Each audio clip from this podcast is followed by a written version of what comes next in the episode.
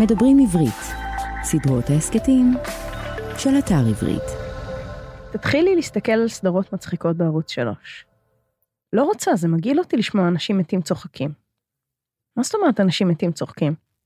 הקולות צחוק ששומעים שם, אחרי כל בדיחה, זה קולות של אנשים שכבר מתים. הקליטו את המכונות צחוק האלה בשנות ה-30 ועד היום משתמשים בהם. איזה זוועה. ממש שערורייה, מאיפה את יודעת את זה? למדתי באוניברסיטה בקורס תקשורת. אז מה תעשי בשביל להירגע? אנחנו, סופרות גופות. נילי אסיה, היי. היי. ומעיין רוגן. ואנחנו מדברות היום על החלק השני של צוות אותי, ספרה של לימור נחמיאס.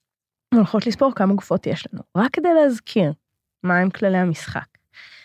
אנחנו קוראות את הספר שליש בכל פעם, אנחנו לא מתאמות בינינו, אנחנו לא מדברות מראש, אנחנו לא קוראות קדימה, ועוקבות אחרי חוויית הקריאה המשותפת, ואתם מוזמנים ומוזמנות להצטרף אלינו. ויש ספוילרים. אה, מלא ספוילרים. מלא, מלא. ספוילרים. נתחיל? נתחיל.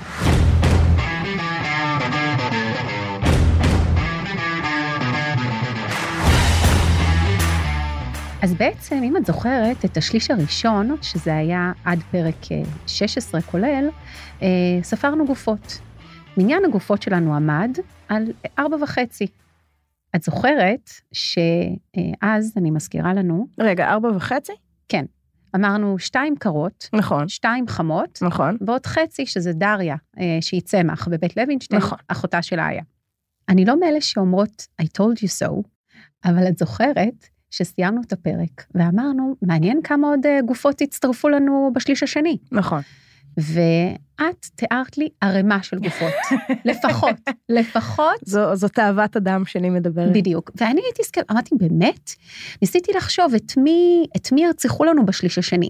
כי השליש השני הוא בדרך כלל השליש שבו יש עוד התפתחות של העלייה, עוד בנייה של דמויות, עוד תיאור של המצב. עוד לא הייתי סגורה שאני יודעת את מי ירצחו.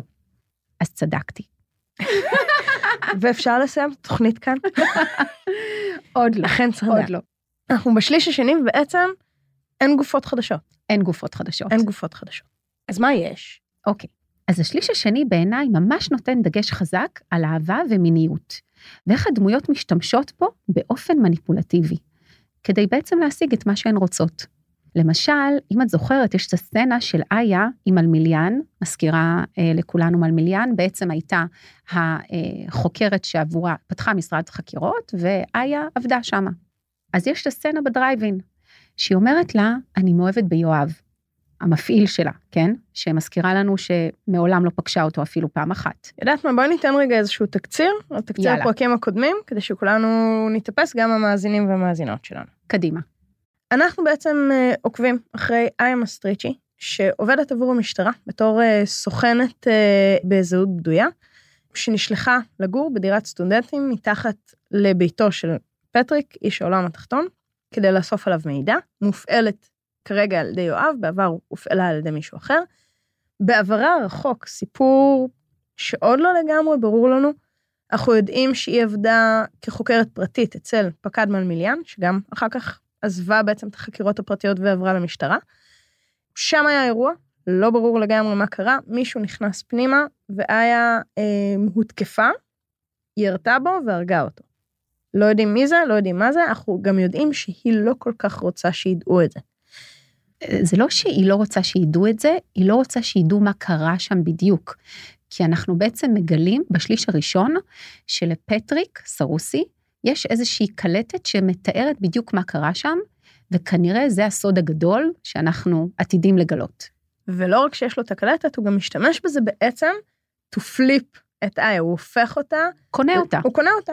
ועכשיו אותה. היא כפולה ומנסה למצוא מה לעזאזל היא הולכת לעשות. וגם אנחנו לא יודעים עדיין, בשלב הזה, בעצם באיזה צד היא. נכון. עד שם הגענו, שליש ראשון של הספר, אה, יש לה הורים מתים, אחות שניסתה להתאבד והפכה להיות צמח, כמה חברות טובות. אה, שותף בשם מיקי, שאנחנו הולכות נראה לי לדבר עליו הרבה מאוד הרבה היום, מאוד, זה הולך להיות מאוד. מאוד מאוד כיף. חברה טובה בשם אפרת, ועד שם הגענו. אז עכשיו אנחנו ממשיכות משם, ואת בעצם אומרת, השליש הזה כולו על מיניות. מיניות ואהבה, ספק. אהבה, לא יודעת כן או לא, כי לא נראה לי שהיא בעצמה יודעת מה זה אהבה. מזכירה לך, ההורים שלה מתו בתאונת דרכים, יש שם סדק עמוק, מעולם לא קיבלה אהבה בצורה שמאפשרת באמת גם להעניק. אז אני לא בטוחה שהיא יודעת מה זה באמת, או חוותה, אבל אני חוזרת לסצנה הזאת של איה עם אלמיליאן בדרייבין. אומרת לה, אני מאוהבת ביואב, המפעיל שלה. מזכירה, היא מעולם לא פגשה אותו, כן? כבר מאוהבת בו. היא כאילו נותנת למלמיין פרט מידע שהוא לא באמת בעל חשיבות לאיה, שזה העובדה שהיא מאוהבת בו, כדי שמלמיליאן תיתן לה בחזרה. מה היא רוצה ממלמיליאן? היא רוצה עוד פרטים על הלילה הזה שבו תקפו אותה במשרד החקירות, כי היא מבינה שעוד מישהו היה שם, עוד, או מישהו שהקליט, או אה, משהו שתיעד את הרגע הזה שהיא מתביישת בו. אני רוצה רגע להגיד משהו לעניין הזה של הרגע הזה, ו- ועוד משהו בעצם שקורה בשליש הזה. אנחנו ניסינו להבין בשליש הראשון, בעצם מה, מה התעלומה, מה היא חוקרת. היא הרי חוקרת, ויש, בכל סיפור בלשי יש תעלומה, ומה התעלומה? כי בעצם לימור נחמיאס כאן שוברת את, את מבנה הבלש הקלאסי, ולא נתנה לנו את התעלומה על ההתחלה. ובשליש השני מתחיל להסתמן משהו שאותי מגניב, שבא ואומר, איה מסטריצ'י היא בכלל לא הבלשית, היא הפושעת. Mm. נעשה כאן היפוך נורא מתוחכם. לה יש פשע שאותו היא מנסה להסתיר, יש את מי שאחריה, ובעצם עלול לחשוף את הדבר הזה. נכון. יש כאן את כל הכוחות שפועלים מולה, אבל בגלל שאנחנו התחלנו איתה, ובגלל הפוזיישן שלה הזה, בתור חוקרת משטרה, אנחנו עד עכשיו הלכנו איתה בתור הבלשית, ופתאום היא זאת שבורחת. זה ממש ככה. אמ, אז חד משמעית היא לא בלשית קלאסית. אה, היא איפשהו אצלי מצטיירת כמו בלשית אה, אה, מודרנית, פילנוארית כזאת, שיש לה סדק, שהיא בעצם אנושית, היא, היא מדממת, היא הולכת מכות, היא משתמשת במיניות שלה, אמ, היא שבורה, נכון? כן, היא, היא דמות, כולם. כולם. אני אפילו הייתי רוצה להגיד שהיא על גבול הבלש הפוסט-מודרני, שזה בעצם בלש שמה שמעניין אותו זה הוא עצמו. לא מעניין אותו באמת, הוא גם חוצה את הקווים, כמובן, אם בבלש הקלאסי או המודרני יש לנו אה, גבולות מאוד ברורים של טוב ורע, אה, הבלש אף פעם לא חוצה את אה, לעבר גבולות האופל, או עוד לא עושה יד עם הרוע. פה בבלש הפוסט-מודרני, בעצם... אין טוב ורע. אין טוב ורע. הגבולות מטשטשים. לבלש הפוסט-מודרני כבר לא בא לשבת אה, אה, במשרד עם הווילון הוונציאני ולהציץ החוצה לרחוב בשביל 25 דולר לשעה. לא בא לו. בא לו לחיות את החיים הטובים. בא לו ליהנות, בא לו to get around the world, בא לו לשוט ביאכטות, אה, ובעצם הוא עושה יד עם הרוע. ופה, חד משמעית, איה עושה יד עם פטריק. עכשיו, זה, זה לא רק זה, איה מגיעה מקולקלת מראש, זה לא שפטריק נכון. אה, אה, מקלקל אותה ומושך אותה לרוע, היא לא עשתה יד עם הרוע, היא הרוע. היא הרוע. היא הרוע והיא גם הטוב. והדבר וואו. הזה מציב אותנו באיזושהי עמדה כקוראים נורא מורכבת. כי בעצם בעד מי אנחנו? אנחנו רוצים שהיא תצליח או לא תצליח? היא, היא טובה או רעה? זה לא לגמרי ברור, וגם דרכי הפעולה שלה, יש כאן איזשהו עניין עם, עם דרכי פעולה נורא נורא ייחודיות. היא קלאמזי. היא קלאמזי, היא גרועה, היא עושה טעויות, שום דבר לא נקי, שום דבר לא הולך לה, הכל מתחרבש, והיא פשוט ממשיכה וממנפת את זה. ושימי לב שבכל הרגעים האלה שאנחנו אמורים להרגיש אמפתיה אליה, כמו הרגע הזה עם מיקי, שפתאום היא, הוא שם בשבילה, למה? כי הוא קיבל פקודה. אז בכל הרגעים האלה, את לא מרגישה עליה בעצם אמפתיה, למה? כי נחמיאס מציגה את זה בצורה קומית. נכון. אז אין פה בעצם איזשהו רגע של אה, קתרזיס, או איזשהו זיכוך, זיכוך כזה שאת אומרת, וואו, אני איתה, הלב שלי עם הגיבורה. אבל אנחנו כן רוצות שהיא תנצח. נכון. אנחנו כן רוצות שהיא תנצח, בין השאר כי כולם חארות. זה הזמן לדבר על מיקי. אוקיי. מה שקורה ככה, מיקי, אני רק מזכירה לכולנו, מיקי הוא בעצם אה, שותף לדירה שאיה מסטריצ'י בעצמה קיבלה לדירה שלה. היא ראיינה שותפים, הוא היה הראשון שהגיע, חתיך הורס, מהמם, סקסי, מכניסה אותו הביתה ורק עסוקה בלנסות לפתות אותו ללא הצלחה. ולהכניס אותו למיטה. דחוף. דחוף. ללא הצלחה. ובשליש הש... השני, השני. מתברר לנו שמיקי הוא גם סוכן, הוא שוטר.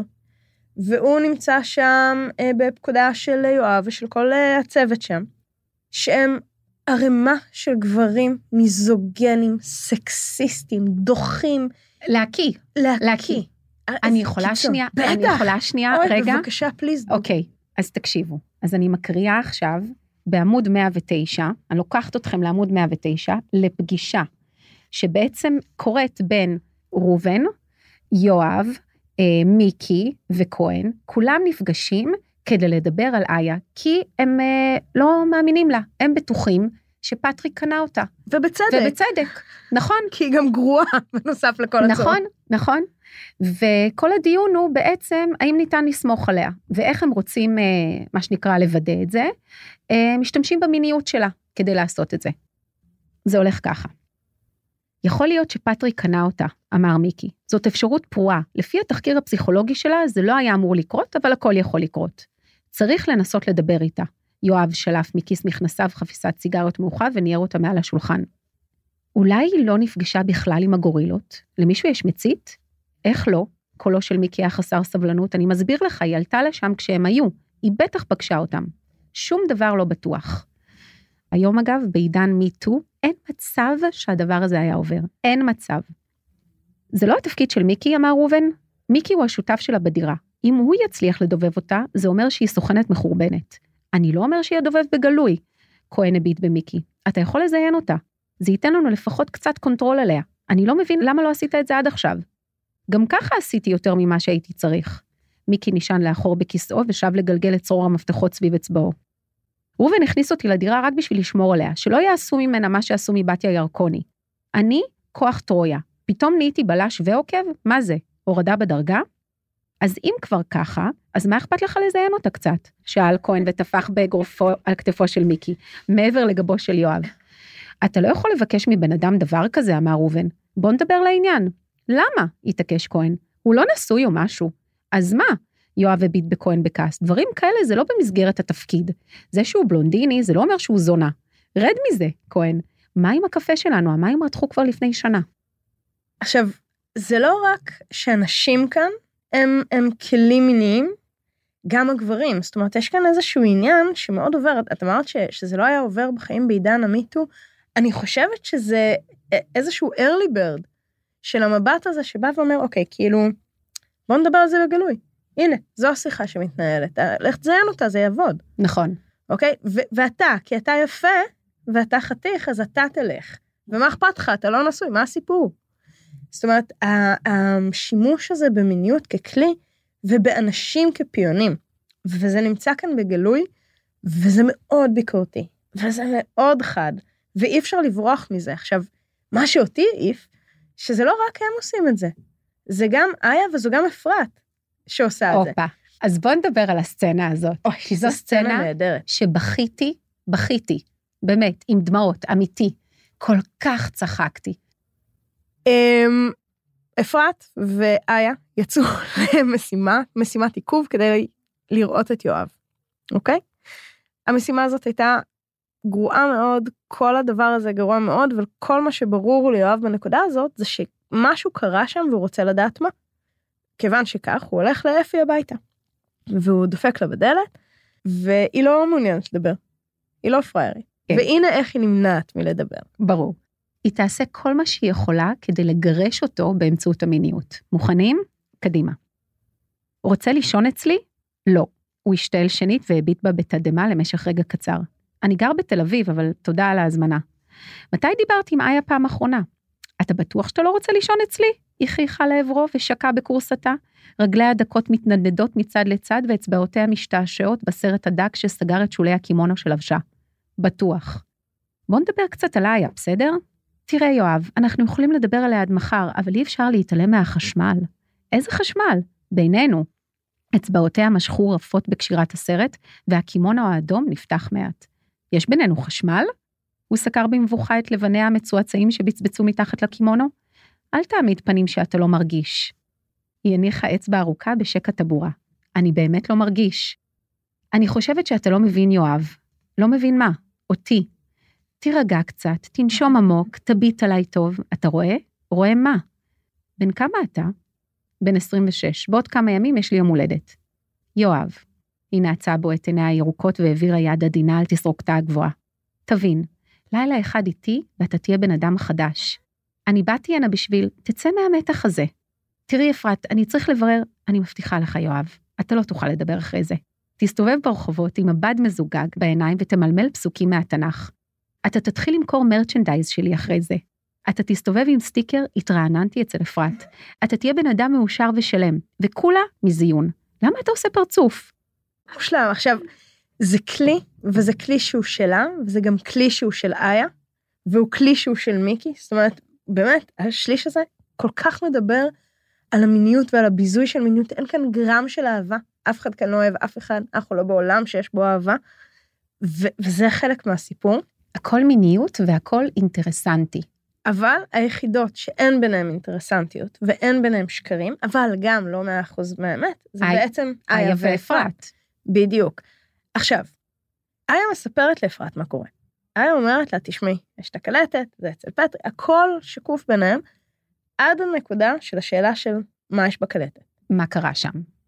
ואז אפרת אומרת לה, אני לא רוצה לדעת, אל תספרי לי לעולם. אל תספרי לי. לא משנה מה אני אעשה, אל תספרי לי. והיה זורמת עם זה. עכשיו, אנחנו יכולות לדבר על זה בהקשר של הדמויות, אבל אני רוצה לדבר על זה רגע בהקשר של הטכניקה אל מול הקוראים. Mm, כי הדבר הזה מאפשר כל הזמן להציף את התעלומה. אנחנו לא שוכחים בשום שלב מה התעלומה האמיתית בספר.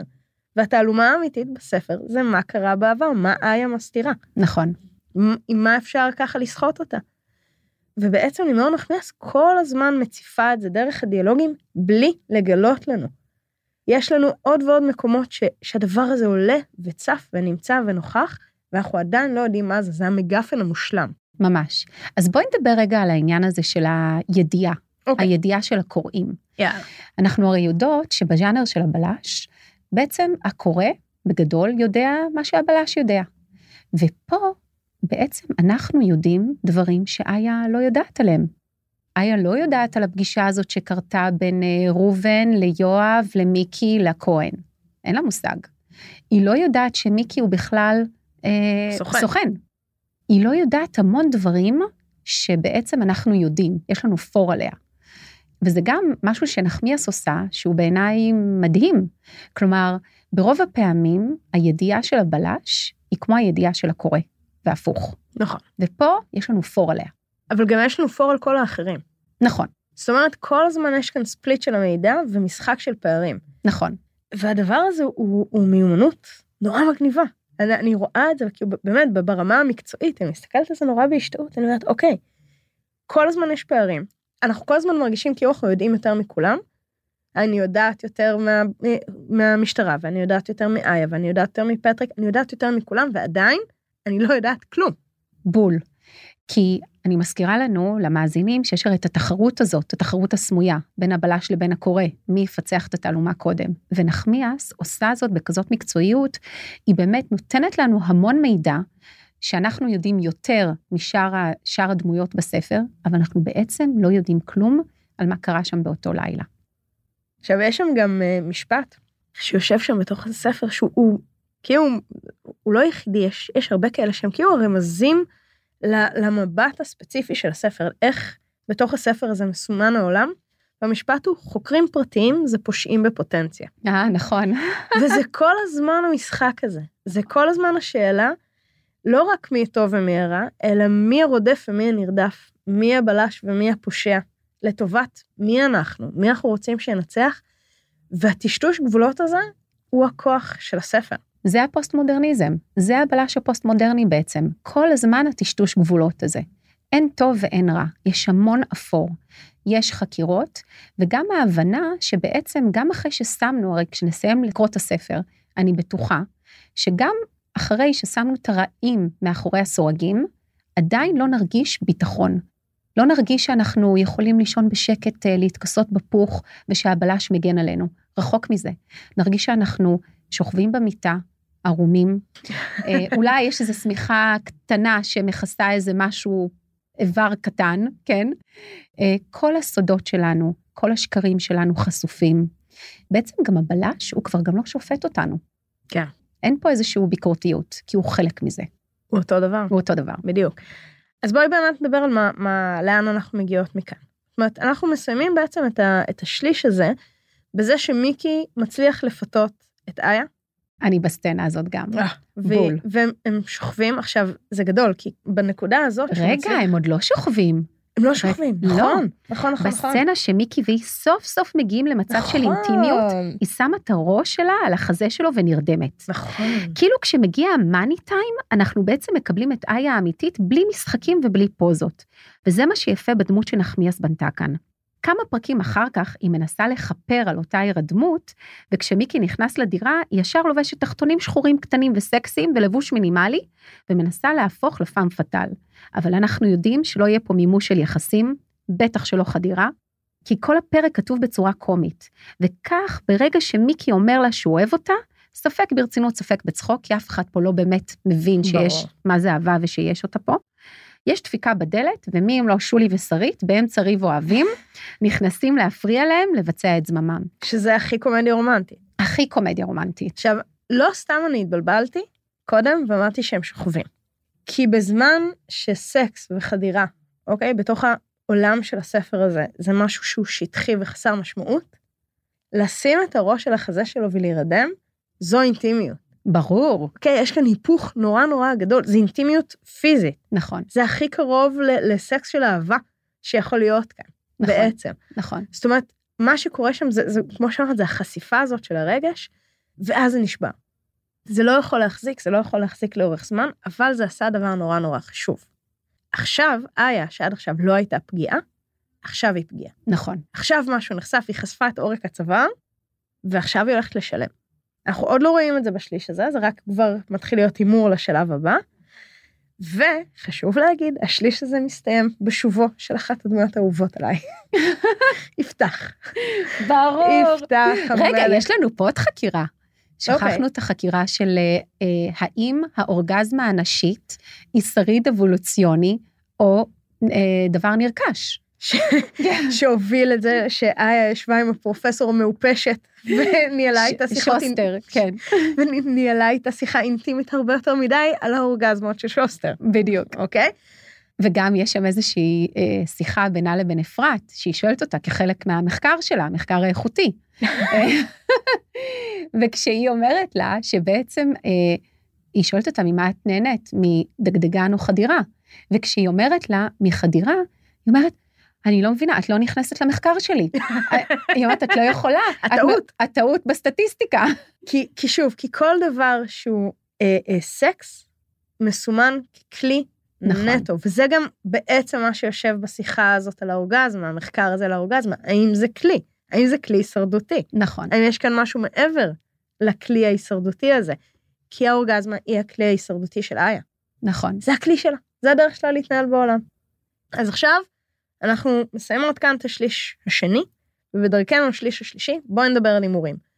היה לנו כאן שליש נטול גופות ונטול דם, אני מוחה על זה בתוקף, אבל זה חלק מהעניין, אני מקבלת את זה בהכנעה.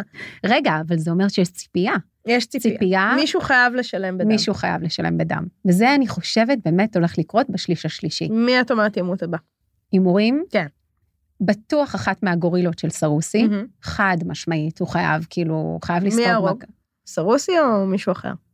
בא לי להגיד, כאילו, מישהו כזה דווקא שולי, כמו שולי? או... שולי לא יכול להרוג שום דבר. או, או חוץ מיקי. מאת מערכות היחסים שלו. נכון, לא, אבל כאילו אבל מישהו מיקי כן. מפתיע. מיקי. מיקי, יכול. אולי או מיקי. יפתח. אה, הופה. יפתח. הופה. כן, כן, כי תראי, יפתח הוא קלאסי, יפתח הוא אקדח שהונח במערכה הראשונה, נכון. לא היה נוכח במערכה השנייה, ועכשיו אנחנו רוצים לראות מה האקדח הזה הולך לעשות עם הסוודרים שלו במערכה השלישית. נכון. ועכשיו היא גם לקחה אותו לקניות, כן. שדרגה לו קצת את הלוק. כן. אז אה, יש מצב, יש מצב. אוקיי, אבל זה לא יהיה הגופה האחרונה. לא. אז רגע, אז אחת הגורילות של סרוסי, גורילות אקספנדבל, אנחנו לא כן, צריכים שניים. נכון, אוקיי. אבל צריך עוד מישהו שהוא יותר, כן. שיפגע לנו יואב נראה לי קלאסי לחטוף איזה כדור בתהליך. משהו בכתף כזה. כן, אה, כן, כן, כן, שאפשר to recover. כן, כן, אה, כן, יהיה לו צלקת סקסית, כן, וזה בדיוק, מה שאולי יקרב ביניהם. נכון. אה, ואיה, איה תזכה לשים את הראש שלה לחזה גברי נוסף? אני כאילו רואה אותה עם יואב באיזשהו מקום. אפילו כן, שבסוף... זה יהיה האפי אנד? לא, זה לא יכול להיות. בפוסט מוד... בלש פוסט מודרני אין אין happy end. Happy end, אין. ברור, יש נפגעים, יש ערימה של גופות. לא יודעת, אני לא יודעת. אני, אני מהמרת כן. שבשליש השלישי יש לנו שני, לפחות שתי גופות. אני באיזושהי נטייה, אה, בתחושה, לא נטייה, אני הייתי הורגת את מלמיליאן. בואי נגיד את זה ככה. וואו. אני הייתי מחסלת את מלמיליאן. וואו. אני למעשה הייתי נותנת לאיה להרוג את מלמיליאן, אבל אני לא יודעת אם אני לא הולכת כאן רחוק מדי, וואו. כי איפשהו האופל של איה צריך לצאת עוד פעם אחת. עוד פעם אחת בבהירות. אנחנו צריכים לראות הדהוד בהווה למה שהיא עשתה בעבר. אז, אז היא הולכת לעשות ואני משהו. רוצה שנייה, אני אמרתי שאני רואה אותה בסוף עם יואב, מהמם. אבל אני פתאום חוזרת בי. אני חושבת שזה יהיה יפתח דווקא. בלה. כן. לא, אוקיי, אני לא יודעת, יש לי אוקיי. משהו עם גיקים. אוקיי. לא יודעת. אני, אני טוב, חושבת עכשיו שאולי. שאולי בסוף אה, היא תניח את... אה, אם היא תצליח לזהות אם הוא עם הפנים אליה או מאחורה, בגלל כמות השיער, אז אולי, אולי היא תצליח לדעת איפה להניח את הראש.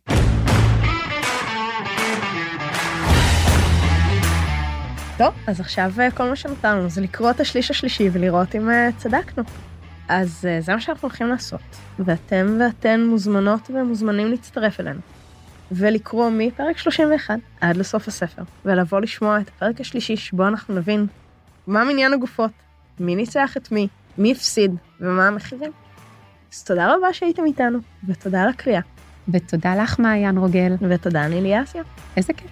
ביי. האזנתם לדברים עברית. סדרות ההסכתים מבית אתר עברית, חנות הספרים הדיגיטליים, מודפסים והקוליים הגדולה בישראל. ספר זה וספרים נוספים מחכים לכם באתר עברית.